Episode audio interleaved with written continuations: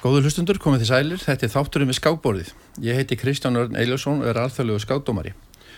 Gesti mín í þættinum í dag eru tveir af okkar sterkustu og þekktustu skákmeisturum. Þeir voru á sínu tíma og meðal allra sterkustu skákmanna heims. Þetta eru stórmennstarinnir Fridrik Ólússon og Jóhann Hjartarsson. Fridrik og Jóhann, velkonið við skákborðið. Þakka fyrir. Gesti mín eru báðu löffræðingar. Fridrik er fyrirvændi skrifstofustjóri alþingis og fyrst íslenski stórmennstarinn í skák. Friðrik var um tíma fórseti alþjóða skásabansins Fíte. Friðrik er eini íslenski skákmaður sem hefur, hefur uh, lagt uh, Bobby Fischer að velli. Ekki bara einu sinni heldur tviðsvar. Jóan er yfir löffræðingur íslenskar erðagreiningar. Við langar til að þeir ræði tímabil Friðris, ef við kannski byrjum að því að ræða tímabil Friðris í embætti fórseta Fíti árin 1978 til 1982 og samskiptu og viðregnir ykkar við skákmestran Kostnau sem var stundu kallaðar hinn Grimmi. Er, ef að byrja þarna eða einhverstur annar stað þið ráðið ferðinni. Já, það kemur svo sem vel til greina sko. Kostnau var nú örlega valdur í lífa okkar begja svona all drastískan hátt. Það er aldrei svona aðdragandi á því. Og ég mann nú svona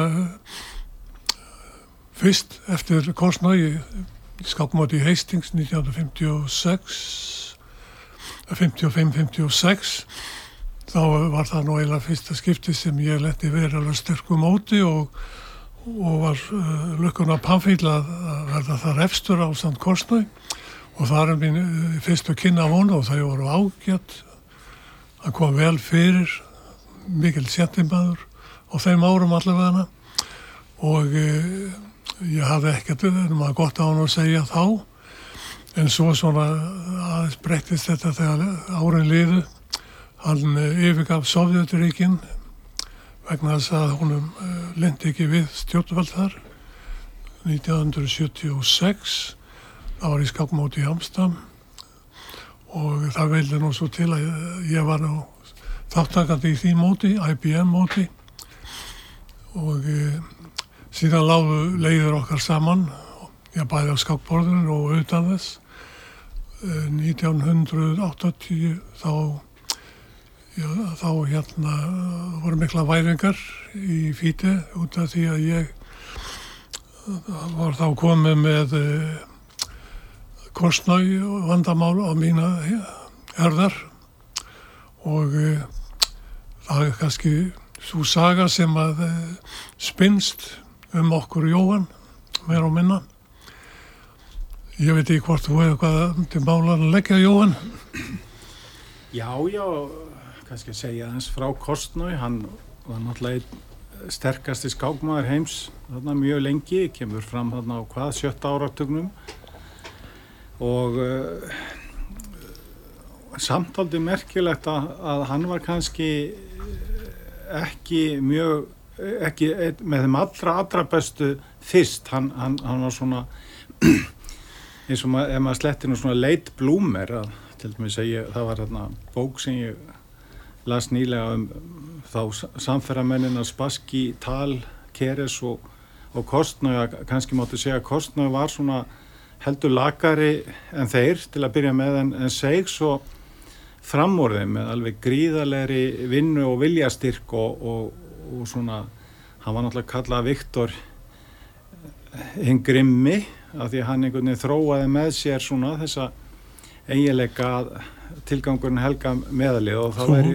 kynntist nú grimdini jú, jú, jú, jú að, og já, og ég las nú hérna líka aðra bók um daginn sem að Jú, Júri Averbakk sem var nú líka smá örlega veldu kannski hjá þér þarna í samtíðu fórstættakostningarnar sem kom að því mögulega síðar. Hann var að flokka svona skákmenn niður eftir svona lindisengun aldrei frumlega flokkun. Hann talaði um sko drábara landkunniði listamenn. Og hann setti þess að kostnáðu fissjar í þennan, þennan, þennan drábara flokk sko. Það væri bara það eina sem skipti máli það væri að vinna allt annað og hvað sem það kostiði? Já, ég geti nú sagt eh, sögver Fischer sem styrður þessa kenningu. Já. Við fyrsta skipti sem að við okkar fundum bara saman, það var náttúrulega í Porto Rós 1958 í Milsvaðamótunum þar. Þá vildi svo til að uh, fyrsta morgunin sem að já það var nú eiginlega reyndar áður en uh, við komum til Porto Rós. Þá vorum við báður statur á hótel í Belgrad. Þannig að við komum þanga frá Sáturíkjónum og ég frá Búlgaríu þar sem ég var að taka þátt í stúdenta skakkumóti og, og svo vildi til að við borðum morguverð saman í þessu hóteli. Og þá var talsetta moskjutóma sæmi kringum okkur á borðið og minn maður tók til óspildara málana og tók nýf og fór að, að svona að stukka þeim burtu með svona ímsum bráðum og skarðaði sundur ef að svo veldi til. Og svo ég sagði, hann hérna Bobby hérna værið samátt og hættir þessu. Við erum nú í að borða það. Og hann sagði sko svona mun ég að fara með mína anslæðinga í framtíðinni. Þetta stiður nú alveg þá kenningu tíma Já, Björn Þorfinsson saði eftir mann sko í grein sem hann skrifaði með dumann að að hann teldi ekki til þess að egnast vini. Hann kostnaði kostnói já. Já, hann var nú að tala um Fischer. já, já, já, það er rétt, Já, það já, rétt. en- já, Ég, það gildir nú eiginlega saman við fyrst held ég. Og það er ekkert langt frá sko Það er nú kannski líka uh, með kostnæja þegar hann flýr þarna vestur þá kemst hann í, í kynni þarna við konu sem hann var síðar einkonast til æviloka Petra Lauverveig sem hafi nú setið í, lent í fangabúðum í, Sovjetríkjónum eftir setni einstöldina þó nokkur ár og, og hérna hún var nú hvað austurísk held ég að uppbrunna en, en var lengi gift hollendingi, var líklegast ekki þegar þarna var komið en, en hún hataði Sovjetríkin alveg frá einstu hjartarótum og, og, og þau tóku saman og, og hún var nú svona uh, fylgdónum í gegnum öll skákmót og öll, öll einvíin og hérna og og saminuðist í þessu hatri á, á, á Sovjetríkjónum Já, ég held meiri síðan sko og ég hafði nú reynslu af því að jafnvel þegar Korsnæ virtist svona fús til að eh, svona komast að samkólagi þá eh, var það hún sem að kvartan til þess að vera ekkert að gefa sig Nei, og eh, hún var hörku sólið í öllu því sem að hún- að viðkom í sambandi við sko rússana. Og ég reyndi það nú í mis takifæri en um, það er svo margt um þetta að segja sko eins og ég var að segja áðan að Korsnæ hann kemur svona að okkur báðum svona í sínum ferli þannig að ég reyndi að að hjálpa honum í sambandi við það að koma sinni fjölskyld út úr Sovjetiríkjónum á sín tíma. Það var skömmu fyrir einmið 1981 í Meirano og e, það gekk nú eins og þar en e, það, mér fannst það alltaf daldið sérkjærlegt að e, hún virtist ekkert sérstaklega hrifin af þessum ráðagjörðum mínum og sagði ég ætti ekki að blanda mér í þessi mál. Og ég fór átt að mig á því að þetta var nú stærlega þannig að, að hún var aldrei uggandi um sig hag ef að kona uh, kostnafengi að koma og, og út í frelsið til uh, Vesturlanda. En kom náttúrulega í ljós var það ekki að þetta var nú bara hlut af einhvers konar ár, áróðu stríði því að svo loksist þegar þegar eiginkona kostnæs og, og svonur kom að fá að fara vestur þá vildi hann ekkit með þau hafa. Nei, rauninni var það þannig að, að hans lagfræðingur sem aðnaðast hans mál brótbent brót, héttan, ekki brótbent brót, hann e, var e, svisneskur og hann staði mér síðar að, að þegar fjölskylda Korsnæs kom frá Sovjeturíkjónum uh, losnaði og, og kom til Sviss þá var hann ekkert á stanur til að taka mótið þeim. Svo að þessi lögfræðinga hann neittist til að taka við fjölskyldinu og hýsa hana í sínum, sínum húsum ja. húsi. Og þá saðist hann hafa svona farið að huglega að þetta væri ekki maður sem maður vildi virkilega styðja. En þannig að sína þetta daldið karakter kostnæðis að, að hann leti sér ekki allt fyrir blósti brenna. Nei, nei. þú ætti nú eftir að kynast því. Jú, jú.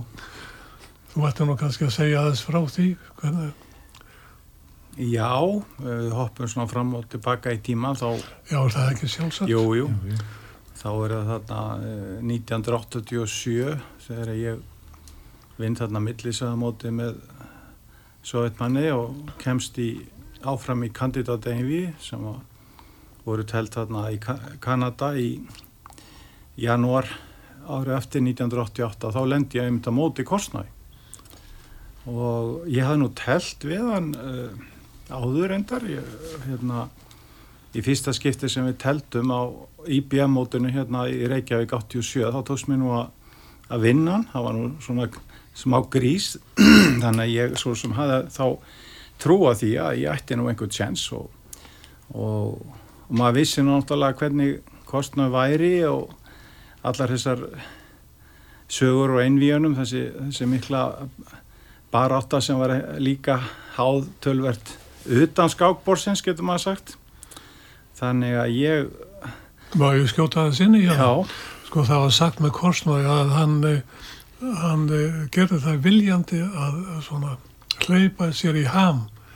Þannig að hann, hann tækið svona andlega að hata anstæðingin. já einmitt En þetta er sagt sko og ég getur svo sem alveg trúa því að, já, já, að þetta hafi verið þannig. þetta er einmitt mjög misjáft með skákmenn held ég sko uh, sumum líður mjög illa ef, ef, ef þeir eiga ekki góð samskipti við anstængin og ef það er einhver svona persónlega spenna en, en eins og kannski fyrir ykkur í að með kostnað þá held ég einmitt að hann hafi einmitt hleyft sér í þann ham að, að, að hata anstængin en svo kannski eh, bráði það af honum eftir skákina. En, en þannig til dæmis Bóris Baski sem alveg algjör anstað, algjör sentilmaður og, og, og gerði sér farum að, að vera mjög almennlegur við anstæðingan og, og alla í kringum sér sko. Já, og svo einvíið þarna í Merano, það var kallað einvíið hatursins. Einmitt. Það er nú svona, ég man að Mattias Jóhannesson, hann var, ég held að hann hafi verið stattur í Sviss ákveðat þegar mót, það mót var haldið, já, einvíið, og hann eh, sagðist að var farið og fylgst með einni umferð, einni skák og hann hafði svo greinilega orðið áskynja um ólguna og bylgjurnar í já. andrúrslaftunir.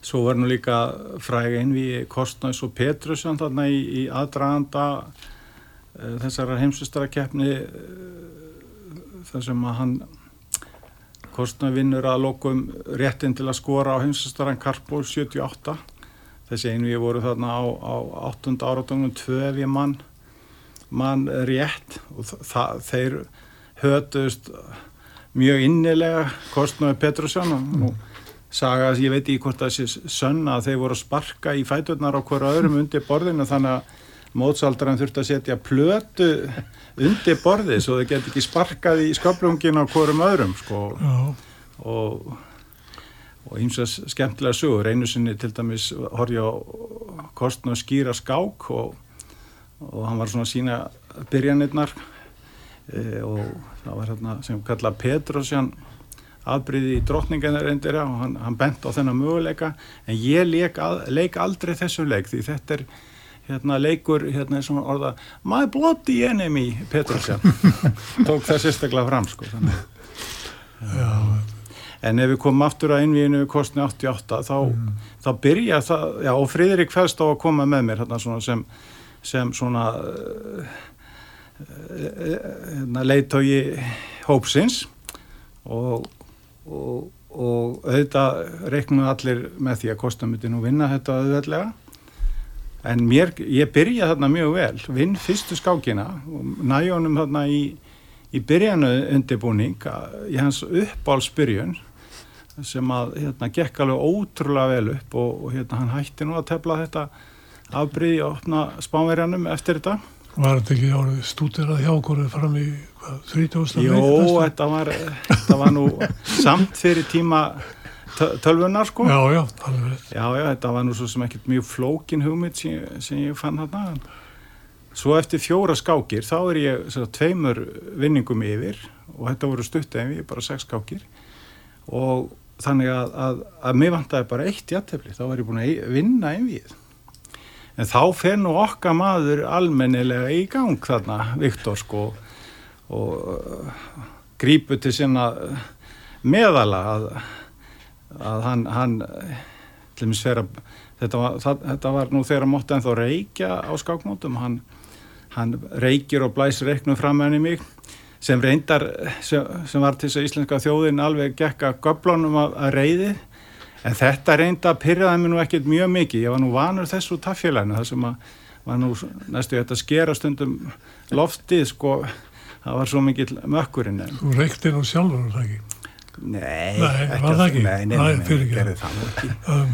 En, en, nei, nei, gerði það nú alls ekki. Ég var einmitt í reikljósaliðinu sko. En, en, en það sem verra var að hann var að trampa þarna, þetta var svona lausu sviði og hann var að trampa þarna fram og tilbaka þannig að maður eiginlega sviðið výbraði og það var og dúaði. Mjög, já, dúaði. Og svo þetta fræga uh, soviska trikk sem ég hef nú séð hjá mörgum öðrum það er að, að standa fyrir fram að borðið og rugga sér í, í sjónlínu anstængsins sem er mjög trublandi og þá tók nú Fridrik til óspildra málana og, og, og, og fór að, að kæra þessa framkomu og hérna honum var bannað að gera þetta sem var alveg ágætt. Og hann, hann reytist alveg óskaplega yfir þessu að einhvern veginn að Friðrik væri nú þarna á mót, móti sér. En svo mann ég að hann fór að þramma þarna fyrir þá fyrir neðan sviði beintir í fram að mig sem trublaði mig nú ekkert mikið.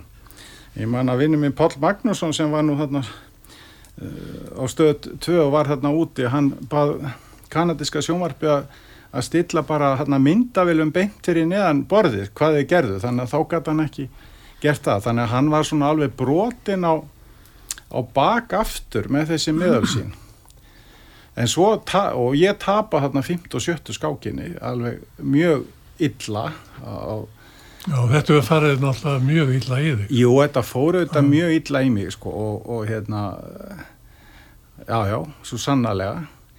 Og þá voru telt að tvær skáki til raun og veru til úslita og ég manna þarna í sjöndu skákinni þá ákvæði ég með kvítu að tefla bara mjög valli og bara gera bara jattefli, það er nú svona gömur kenninga þegar þú búin að tapa kannski tveimur röð þá er maður ekki að reyna að vinna upp með að gefa í heldur bara að gera jattefli og það gekk eftir.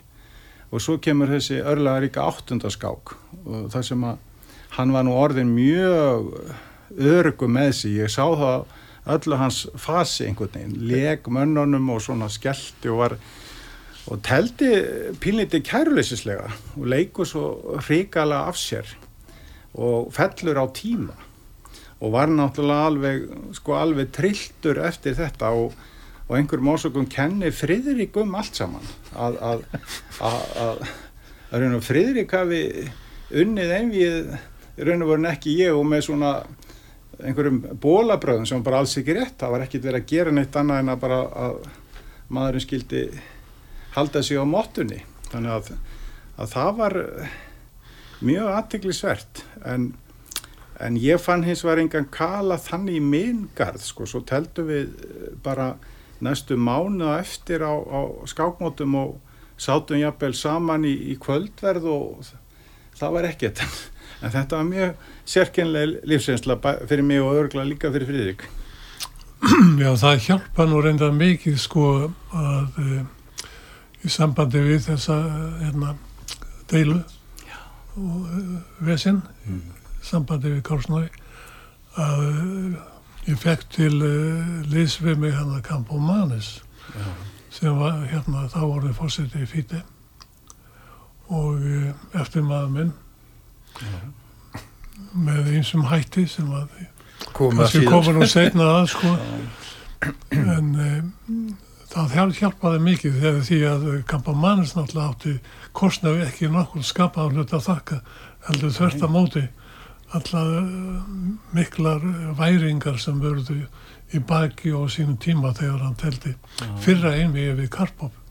Já, þá, þá hérna sko gekk kostnaði alveg fram að mótsöldurum já, með sínum uppáttækjum og, og, og, og hérna þannig að Campo Maris var nú sko góður liðskostur í þessu. Já, Mm, þetta það- vissi ég nú eiginlega ekki. Nú, Nei, ég þá er búin að glemma þegar maður komið til eh, Já, skila.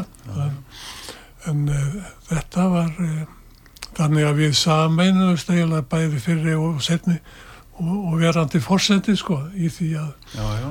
að koma þessu sko í réttan kjöl Að þó að Campo Mannis hafi haft að þeir hérna fórseta embætti með, með klækjum og mútum og allir þessu, þá, þá hefur hann kannski ekki verið alveg allslæmur og ég er nú alveg til vittnus um það að hann var alltaf mjög svona almennlegur og, og kurteis við íslenska skákmenn og, og, og, og talaði nú alltaf mjög vel, spurði mann alltaf hvernig hefur Friðrik það?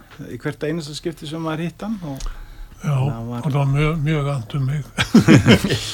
Já, já, það er svona það er kannski eitthvað, ég veit ekki hvort hann hefur skammað sín hvernig, en við getum kannski aðeins talað um það Kann- hérna, kannski fengið smá samvinskupið við förum bráðum með auðlýsingar við kannski tölum um það eftir auðlýsingar en hérna, Jóhann, þegar þú varst uh, þegar þú vannst kostnáð þannig í Kanada já, hverju voru aðstofamennin, hverju voru að hjálpa við undirbúningin og, og, og var það annars? já sko, Ég tók þátt sko í því. Það var nú að finna við að sko að Friðrik átti nú aðalega að vera svona svona head of delegation sem maður kallar en svo leittist hann út í það. Við vorum nú alltaf að stúdera saman og undirbúa okkur fyrir skákirnar. Þannig að, að þannig og, og man eftir þessu oft þegar maður var kannski að sína Friðrik eitthvað sem að átt að verða nýjast að þá kom alltaf, já, nei, nei, nei, ég teldi þetta móti matan á veits 1960 eða eitthvað. fyrir 30 árum síðan löngu glemt Já, allt sem, sem saman með málsáttin, allt er nýtt sem er vel glemt. Þannig að hann hjálpaði með það, en það voru þarna, þetta, það voru eiginlega allir mínir félagar sem að hjálpuðu mér, náttúrulega margir var þarna, Pétur Sjón, kannski aðal aðstofmaður og, Helgi og Helgi Ólafsson og uh, hann var þarna líka og, og, og fleiri. Jónell var ég var að stúdra með honum einhvern tímann. Já, það var ekki hann út Nei, hann var ekki úti, nei, nei. Þetta var Elvar Guðmundsson okkur úti þannig, nei, Ég minnist þess nú ekki. Nei, nei, hann var með mér á millisamótunni Ég hérna, við förum núna bráðum með auðlýsingar en Friðrik, hérna, ég ætlaði að spila eitt lag kannski við förum með auðlýsingar. Uh, þú valdi lagið, hvað, South Pacific, Some Enchanted Nei, Evening. one One, Já, One. Enchanted Evening. eða var það som Það var getur- som. Það skiptir ekki alveg máli Og hérna, eitthvað sérstök ástæða fyrir þetta því? Nei, ég er bara taldið ég er svona mikla ánægi af, af operettum þarna Roger Hammerstein svolítið að e, mér fannst þetta upplagt sko, sérstaklega þetta nú upp á hans söngvarum minn en sjó Pinsa Já. gammal eh, bassi var lengi við Metropolitan Við spilum þó lagið, förum svo auðlýsingar og, komum aftur. Ég ætla hérna að reyna að koma því í gang.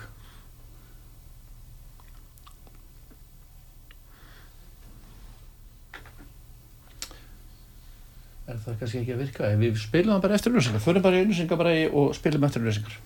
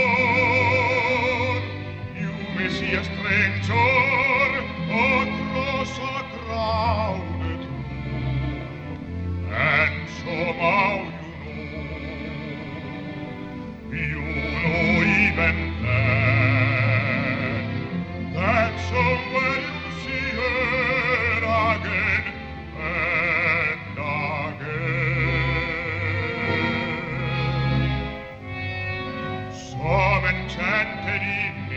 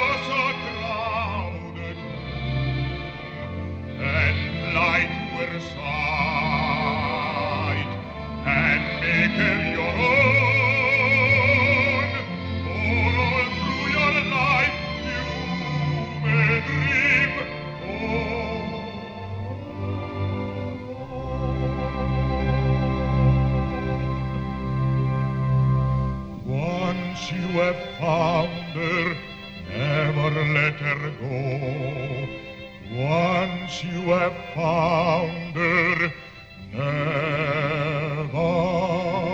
let her go.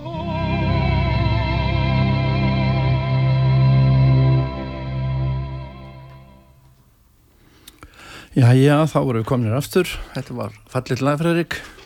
Já, það ekki? Jú. Já, þetta er eitt af mínum uppáhaldum. Já. Um, já, ég, er, hérna, ég heiti Kristján Rönd, þetta er þátturinn við skábborðið og hjá mér eru stórmestarinnir Fredrik Ólusson og Jóhann Hjartansson. Og við vorum að ræða, hvað, fósetta til Fredriks Jú, jú, og svona þessa viðuregnir sem að hann og, og þú hafa átt við ímsa. jú, jú. Við erum nú hoppað aðeins fram, fram og tilbaka í tímanum og mér finnst nú gaman að aðeins að, að fjalla aðeins um fórseta tíð Freyri Sólássonar hérna frá 1978 til 82 sem var auðvitað allt of, allt of stutt og, en uh, já þú átti náttúrulega eiginlega uh, þú varst náttúrulega fann að draga út tapmennsku þarna á hvað á á sjönda áratökunum en svo kemur alveg aftur þarna og, og uh, ert þarna mjög sterkur á þessum árum á þarna áttunda áratökunum frá hvað 70, 72 til 70, 78 eða hvað? 74, 74, 70, já. það byrjar eða 74, 75, já, kannski aðra með mótunni í Tallinn, já, 75, þar sem að ég áttu nú möguleika að verða efstur, mjög sterkum móti. En, um, og það alveg, en svo var, var konið upp á óanægja með Dr. Öfi, rúsarnir voru mjög óanægja með hann, já, sérstaklega eftir einmið hérna 72. já, fannst Dr. Öfi hafa tekið ymsar ákvarðanar sem að stóðust ekki lög eins og sanga þeirra eh, nefi sko eh, já. Og við erum að tala hérna um, um Max Öði sem var heimsustari í skák, vann sjálfan Aljekin heimsustari en við var fórsetið fýti frá 1970 til 1978 og náttúrulega þjóð hetja í mikil í Hollandi. Það var einmitt að koma út núna, það var komið út nokkra bækur um hann á setna árum í Hollandi og, og er það ekki rétt eh, mun að það var eiginlega hann sem var fyrsti maðurinn sem að stakk upp á því að, að þú tæki bara við á honum. Jó, ég minnist þess nú ekki sko að nokkur, hafi minnst á það við mig fyrir en ég fyrir en eh, hann kom þarna til Vækan sí, ég var að tefla þar sko álega mótið þar Já. og nefndi þetta við mig það hafi verið sjö, já, 77 sennilega 76 Já, já. 76 Já. já.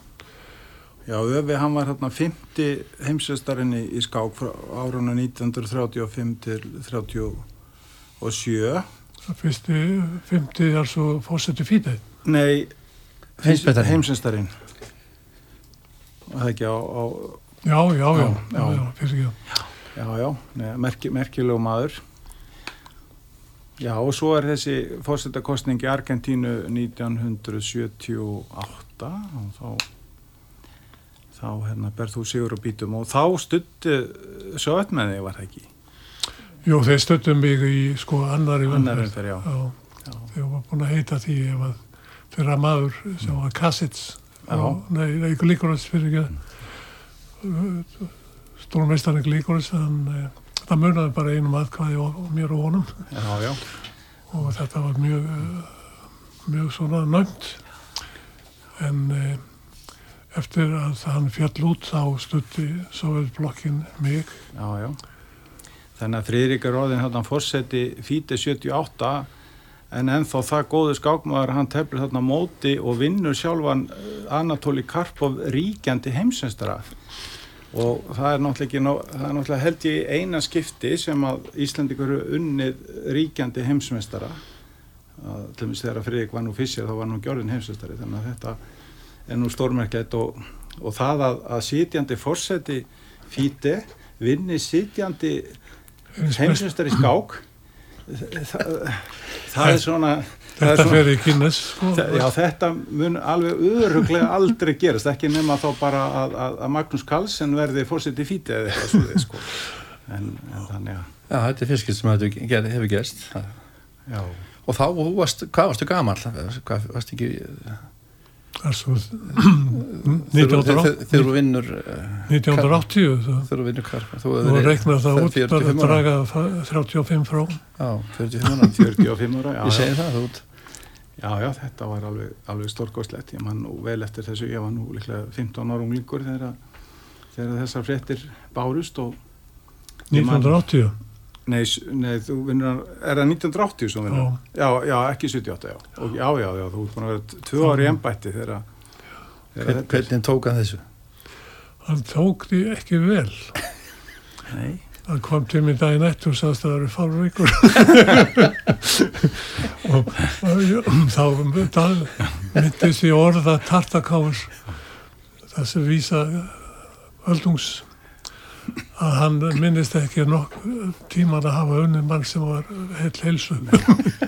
Það er nú svona, þetta var svolítið svipað þegar ég náði jattefli þarna 1986 á móti, Korsna, á móti Karpo á, á hérna olimpíumótunum með á gjört tapa byðskap sko, sem var, var mjög sérstatt og, og hann, hann klúðraði öllu og, og, og ég var næstu komið betra sko og, og það fyrsta sem hann sagði þegar við vorum búin að klára skákina þá sagði hann hérna ég get ekki telt á mótnana svo spurði ég einhvern veginn sí- síðar hérna, hérna fél, félagi minn sem ég teldi mig bæn hér sem var hérna í soviska olimpíuleginu og hvað ég segi svona, hvað voru stúdringarnar svona lélegar hjá okkur?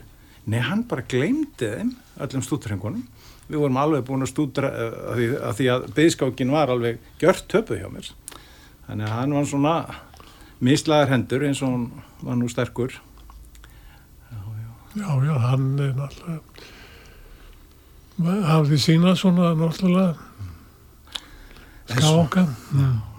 En svo kemur náttúrulega að þessu, við erum búin að fara í gegnum þetta, þess, þess að drama í kringum einvið 81 þegar þú frestar einviðinu og, og, og út af fjölskyldumálum kostnaðs að þá hvað snúast uh, sovjetmenn svo gegn þér þegar kemur endurkostningunni 82 Sko, það er látið líta þannig út. Já, þarna, Já. sérstaklega þeim sem að voru í skákinni, skákmenn, eins og Afebakk, Júri Afebakk, Krókius og fleiri, og jafnvel Karpov líka, sko. Þá sagðu þeir að, eh, að þetta hafi orðið til þess að þeir snerist á móti mér. Já, á þeim tíma.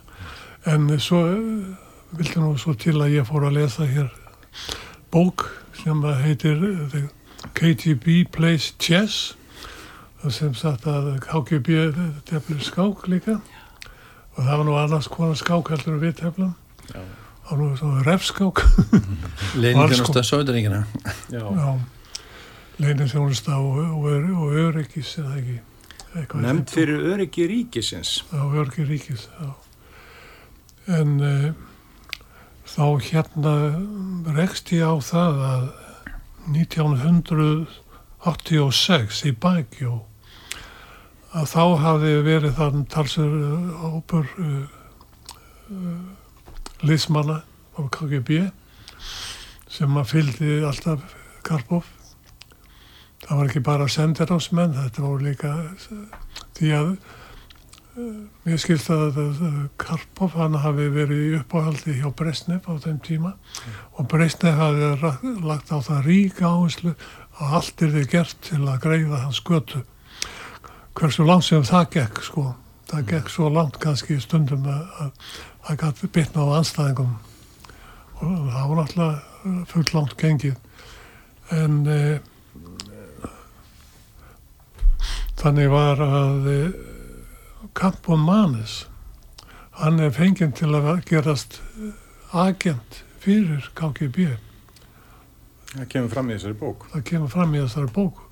Og ég var eiginlega alveg þrjumur lostinn ég, hafði ju vitað það að Campo Manes hann hafði verið jú innan svona einsi koppur í búri hjá sovjetmannum eða skáksambandinu þar en að hann hafi verið svona mikill koppur. Það vissi ég ekki sko og úræði ekki fyrir. En svo við sama takjum þá les ég það að uh, sá sem hafði sig helst í frammi af þessum KGB-mannum Pysjenko held ég hann að veitið ég man ekki, minnum ekki. Hann hafi tekist að að komast inn á kampum mannes og, og svona fá að kynnast hans innstu óskum frá. Og þá hafi kampum mannes sagt honum að hans innsta óskum væri að vera fórseti fíti og þá hafði úr, orðið úr að hann saði að, að þeir skildu tryggja honum að, fá að, verða fórseti í framtíðinni gegn því að hann gerðist liðsmaður þeirra og gengi þeim á hönd eins og það er. Og það þáði Kampomanis samkvæmt því sem kemur fram í þessari bók sem er skrifað af fyrirvændi KGB fóringjum átsettum og, og þetta var alveg nýtt fyrir mér Já. gjörsamlega nýtt og það týrði að þeir ætlaði að tryggja Kampomanis það mörg atkvæði kostningum sem að færu í hönd að e, hann myndi vinna það kostningar þannig að, að, þetta með að, að þeim að snúist hugur Já, já. og vegna frestunar já. það er svona ekki alveg, Nei, er öruglega hefði engu breytt sko. Það það er ekki neina var- breytt Það var hérna, hann var, hann var orðin þeirra maður. Og þessi KGB-menn sem fylgdu stundum skákmönnum sko, til Vesturlanda, það var ákveð orði yfir og þau voru kallaðir hérna, yfir frakkar eða overcoats. og einhvern tíma var spaski hérna, einhver maður sem eldan um allt á einhverju móti og, og maður var að spyrja, hvaða maður er þetta? Já, þetta er yfirfrakkin minn. Og það er nú einmitt góð saga þarna með e, Spassky í, því þarna eftir að hann er búin að tapa deilunum reyndar. Hann er ekki lengur heimsmeistari þetta skerist alveg árið 74 að 5 sko. Þá var hann skilin við Larissu konu sína og fann að gera sér delt við uh, núverandi eða eh, ég veit ekki hvort það var að segja núverandi konu því að hún er sennilega ekki skilin Marínu. Mhm. og það þótti þeim í KGB ekki eh, góða frettir því að þessi Marína hún var dóttir fyrirverandi hersöðingja sem hafi verið í liðu Sarsins uh, á kefsaratímanum og barist með uh, þeim sko. Þannig þeir vilja koma veg fyrir að, að, úr þessum ráða hafi verið og, og það eru aðferðir sem er notuðu til að koma í veg fyrir þetta. Það er alveg óborgarlega að lesa þetta. Ég ætla nú að sleppa því hérna en, já, já. en uh, það voru notuð öll efni. Jafnvel til að síkja uh, sko hana af mm. kynnsjúkdjóm þetta er líjalegt að lesa þetta en, en ég veit ekki að þetta er eftir fyrirvændi KGB fóringja sem flúðu Sovjetriki eða svo í peristrókun eða síðan 1990-91 sáu sem færa að komast á landið undi ekki lengur. En Campo Manes, hann var svo já, Filipsengur og var sjálfur skákmaður með betri skákmanni Filipsega á sínu tíma telt á olimpíumótunni og, og hann var náttúrulega líka gerður út á Marcos, hann átti nóg fjö og hann gerði ímislegt, ímis svona nýmæli innan geðslappa eins og til þess að hann fórum Afríku og stopnaði þar skáksambönd í löndum þar sem að enginn kunni manngangin og svo var þessi kostning þar sem að þetta öll þessi Afríku lönd kusu með, með þeim sem borgaði. Ég man ég held að Guðmundur G. Þórans og sagði mér skemmtilega að það kemur til að fulltrúi frá einhverju Afríku ríki og segist vera mjög leiður fyrir hönd hérna þrýri Sólasonar að hann skuli vera svona fátækur. Og, og ha, hvað séu fátækur, spyr já, hann hefur ekki efna á að gefa gjafir, segir maðurinn bara alveg svona sísona og þetta var svo eðlilegt að taka við mútum frá svona ég veit ekki hvort það bundið við ákveðin lönd En svona er þetta greinilega því miður í, í mörgum íþróttasambandum eins og við séum fótballt öðru. Það er svolítið alveg byllandi spilling og, og það má nú segja að hafi verið spilling í alþjóða skáksamunduna alveg frá því að, að Friðrik hættir 1982 en það mann ég vel eftir því að Garri Kasparov fyrirvændi heimsastar hann lísti Friðrik sem, sem, hann kallaði Last Gentleman of FIDE síðasti sjentlmaðurinn sem ekki var, var og, og, og síðan, já, Campo Mannes er þarna fósetti alþjóð skáksamannstegi 95 var lengi, já. Og lendi nú reyndar í smá remmingum þarna Loksin, eftir lokferilsis hann uh, lendi nú í fangelsi á fylgjusin því að hann hafi dreyjað sér fjöð í, í tengslum við uh, olimpíumóti sem var í Manila 92 þar sem að ég teldi nú og fleiri og við náðum okkur einhverjum best árangri. Og það var styrkir frá ríkinu sem jó, rötuði það sem að svona, hann tók smá tolla því sem ekki var búið að semja allavega um fyrirfram sko.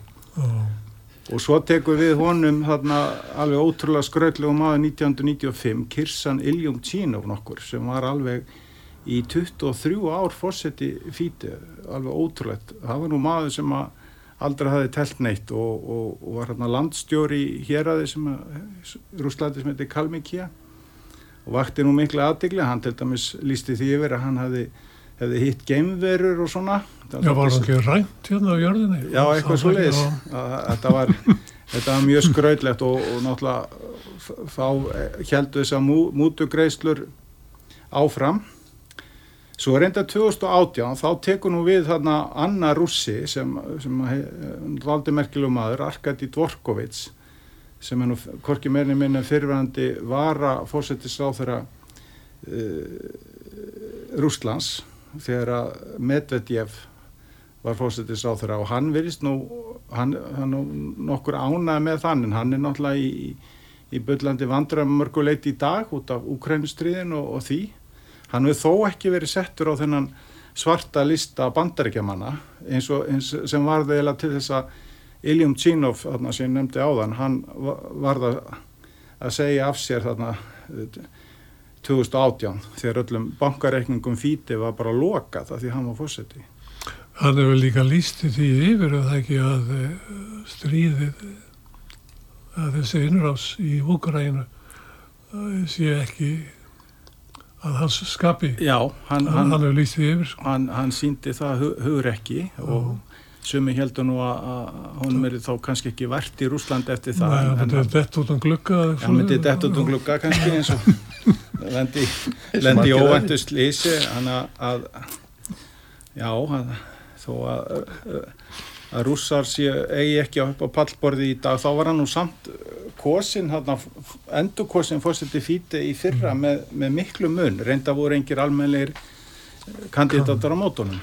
En er ekki mögulegt að hann njótu venda með þetta það er spurning og hann sé það sterkur, hann geti eða þá að þeir láti þetta yfir sig ganga að hann tali svona að því að þeim finnst það mikilvægt að hafa rúsa sem, sem fórseta maður, hvað veit maður? En nú voru 50 rúsneskir skákmenn sem uh, hérna, skrifu undir yfirlýsingum að uh, stríði var anstæð Jú, jú, þeirra. endur þessi bestu skákmenn Rúslands að bara að flýja land eða hver á fætur Mm. öðrum setjast, setjast að í hinnum ímsu Evropalöndum, jafnvel Bandaríkjónum, Breitlandi Allir hann bara Karpov, Já, hann lísti yfir stöðning við stríðið og hann er kon út í ístu myrkur núna. en, já, en, en samt var þetta nú mjög skrítið með Karpo þarna hann, Mm.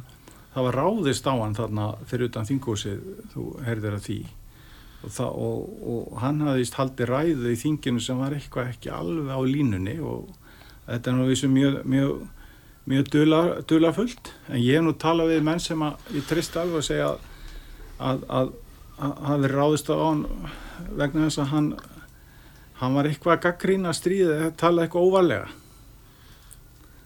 Já, það getur verið að hann svona að fara að hugsa málið. Já, kannski. Það er alveg skjálfilegt. Ég, uh, ég fekk það staðfist á Gunnar Björnssoni fórsetta skásamæðisins að, að því að rúsnarska skásamæði vildi hætta í, í samstarfi við Evropra skásamæði þeir eru vist komnir yfir í Asíu Jú, jú, það, þeir hérna voru settið þannig út af sakramentinu í Evróska skásándinu að, að þeir alltaf sér að flytja eða hvort eru þegar búinir að því úr Evróska skásándinu í skásánd Asju Já, já, já. sem er alveg stórmerkilegt. Já, það er eins og annað, sko. Ég fara að, að vingast við þarna, þarna í Norðurkóri. Já. Uh, En hins vegar er náttúrulega blómatími Rússlands sem, sem fremst á skáklands heims eða Sovjetríkjana alveg löngu liðin sko, þeir eru alls ekki eh, lengur sterkastir, eru, þeir eru bara komnir, ég veit ekki, já, leið og sko Úkraína er komin. Og að draga mínus að alla þá skákmeistara þá eru þeir ekki bestu skák þjóði heimi, sko, lengur. og, og líka náttúrulega bara kynverjar, indverjar og með þessi að þessi fyrrum uh, Asjulíveldi eins og Ka Ka- Kazakstan og Úsbe, Mm. Úsbekar unnu nú hérna síðast olimpíumót mjög óvand, þannig að þetta er breyti tímar í þessu eins og öðru. Tíma fyrir að vera búin er eitthvað svona lokum hjá okkur Nei, náttúrulega var að tala bara endalaust. skákin bara aldrei áfram að blókast og, og dafna. Já. Hvernig, fyrir, ég las, hvernig var þetta þegar þú varst í Hastings? Og komst eitthvað seint fyrst að gíst í fangisi hvernig var þetta hérna fyrstu nótuna Já, það var þannig að hérna, Ingi R. Jóhansson, heitinn, við, við komum ekki þá seint, það var bara, við komum óhafnum degi, já, það var allt fullt, það var svo kallað boxing day og við heldum að það var ekki vand að fá hótel, en það var síðan og svo, við gengum allan bæin og endur á lóksu í því að eh, ég að dýra í fangelsi bæjarins og þar fengum við það, þetta setti nú í mig aldrei svona skap. Já, þú vannst ég, mótið. já, ég vann kost, og ásand kostnau, eða ekki? já, ég mitt já, já. Við, við setni tíma skákmenn höfum lifað allt okkar lífi í sko bómull með við þessum friðrik þurft að leggja á sig til að, að koma svona langt ungum maður á sínum tíma. já, ég hétt mig því því að það verði aldrei sjómaður þetta er þetta að fara með tógara hérna mína fyrstu ferð, Já, 15 ára gammal mikið lagt á sig. Mikið lagt á sig. Jóhann, þú valdi lag líka. Er ykkur, hvað heitir þá, er ykkur sagateindi?